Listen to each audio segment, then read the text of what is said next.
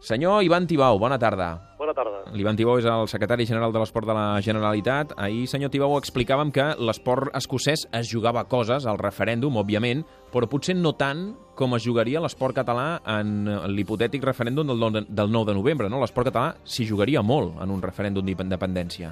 Bueno, l'esport eh, català s'hi jugarà molt en l'hipotètic cas de que eh, el referèndum es pugui fer, de que surti sí sí, i que puguem treballar per eh, tenir un estat independent en català.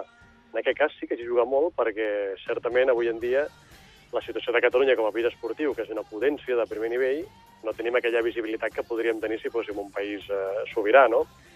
Ja m'agradaria a mi tinguer a dia d'avui doncs, les competències que té Escòcia, no? perquè Escòcia, com deies tu abans, eh, a dia d'avui ja pot competir en mundials europeus, al marge dels Jocs Olímpics, que van com a Gran Bretanya, i això nosaltres tampoc ho tenim. És cert que eh, en un hipotètic, en aquest cas a votació, que sortís que sí, i que treballéssim per tenir un estat sobirà, doncs evidentment jo estic convençut que l'esport tindria una, una millora molt important tinguent aquest reconeixement i aquesta visibilitat a nivell internacional. Mm. Eh, que la gent tingui clar això, eh? tot i que ha sortit el no, eh, ara mateix el model esportiu d'Escòcia és envejable des del punt de vista català, on encara no hem ni votat, eh? Sí, no, no, evidentment, jo, si el tingués aquest model, eh, el firmava demà, no? Poder tenir, doncs, que totes les teves federacions, bueno, algunes de les teves federacions més importants puguin competir a qualsevol competició oficial internacional al marge dels Jocs Olímpics, doncs, a veure, no és el que volem, perquè ho volem tot, però seria un pas molt important per, per l'esport català. Evidentment, ja estem convençuts que amb aquest, amb aquest petit pas el nostre esport seria molt més visible, tindria molt més eh, visibilitat, en conseqüència acabaria millorant moltíssim i no només això, sinó que estic convençut que seríem una gran potència mundial en molts esports. El que sí que ha demostrat aquest referèndum a Escòcia és que, el, bé, ja, ja ho sabíem, però els esportistes tenen un gran efecte reclam. Ahir, per exemple, va aixecar autèntica polseguera que al matí Andy Murray, el, el tenista, fes un tuit a favor de la independència d'Escòcia. Ahir parlem, parlàvem, per exemple, amb Steve Archibald, l'exjugador del Barça, que també s'ha mostrat a favor de, de la independència. En aquests debats polítics, els esportistes també són allò, efecte reclam, eh? Moltes vegades Home, el que diu un esportista arrossega masses. Sí, és molt important perquè eh, mediàticament un esportista és molt visible, té molta visibilitat, la gent se'ls creu, perquè són esportistes, són honestos, i certament quan es pronuncien doncs tenen un, un, una importància capdalt, no? Llavors, doncs, eh, és important, en aquest cas, que, que aquests esportistes haguessin sortit de l'armari, com has dit, i en aquí doncs, també hem de destacar no? que hi ha esportistes importants que s'han volcat i que han dit, de manera pública, doncs, que defensen una cosa tan defensable com és que la gent pugui democràticament votar, no? No estan dient res negatiu ni res que sigui dolent, estan dient que aplicar la democràcia és una cosa que veuen bé i que entenen que, que el poble català vulgui decidir el seu futur. Jo crec que és molt important que aquests esportistes, que tenen una imatge internacional molt important, doncs s'hagin posicionat en aquest sentit. Eh, però això sí que ha sorprès, no?, que gent com Piqué, Xavi Hernández, Aleix Espargaró, els germans Gasol, perquè fins ara, de fet, retreiem els esportistes que en aquest debat anaven amb molta por, i en canvi han sí. sortit tots de cop, mm, vaja, jo, jo me'n felicito, bueno, però, eh, però, però em sorprèn. Vegades, eh, reclamem que surtin demanant que competeixin en Catalunya i no en Espanya. Ara no, no, no estan reclamant això, eh? estan reclamant que Catalunya, els ciutadans de Catalunya puguin decidir votar el que volen ser en el futur. Vull dir, jo crec que, que també és important eh, que s'hi pronunciin, que, que és molt important i més pel nostre, pel nostre país, i per mostrar doncs, al món que, que, que gent important està, està al costat d'una cosa democràticament claríssima, que és el fet, de, del fet del dret d'anar a votar, i crec que és molt important que en aquests casos doncs, gent important, com els acabes d'anomenar, doncs s'hagin posicionat a favor, perquè no estan fent res més eh, que dir que allò que és democràticament eh, molt important, que és anar a votar, que és bàsic, doncs es pugui fer. Mm, I a més a més demostra com de transversal i com d'hegemònic, entre cometes, és aquest sentiment, no? perquè fins i tot els esportistes, alguns d'ells competint encara amb la selecció espanyola, amb els problemes que això els pot generar més enllà de, de la frontera de Catalunya, podríem dir, eh, que es mullin d'aquesta manera. No? Demostra sí. que és, és, un, és un debat molt, molt present a tota la societat, no només en unes elites.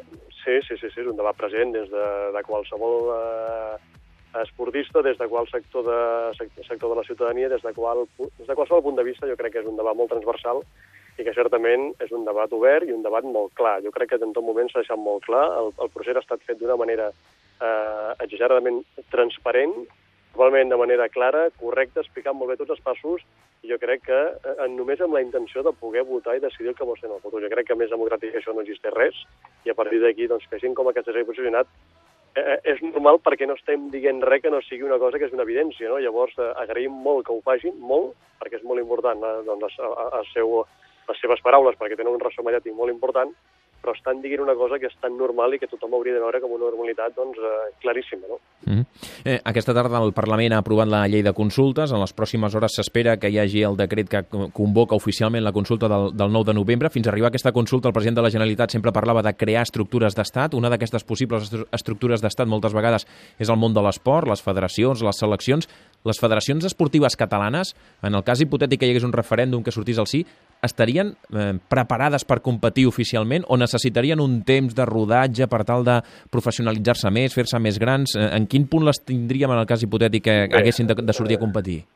Ja no parlo de federacions, que les tenim preparades al 100%, sinó ja l'esport català en si, que ja tenim les competines delegades de fa molts anys, tenim, eh, els tenim preparats. Són estructures d'estat que les tenim al 100% preparades per si el dia de demà hem d'actuar de manera independent. Jo crec que l'esport ha fet molta feina en aquest sentit durant molts anys. S'han creat una estructura i un model català d'esportiu doncs, eh, molt, molt fort i molt arrelat i amb uns èxits que no has de dir jo ara perquè cada setmana en tenim de diferents modalitats i les federacions, amb aquest pas, el que aconseguiríem és que s'adhiressin a les internacionals i que poguessin no competir. I ja no només dic que estan preparades, sinó que estem preparades ja no per ser-hi, sinó per ser-hi i competir bé.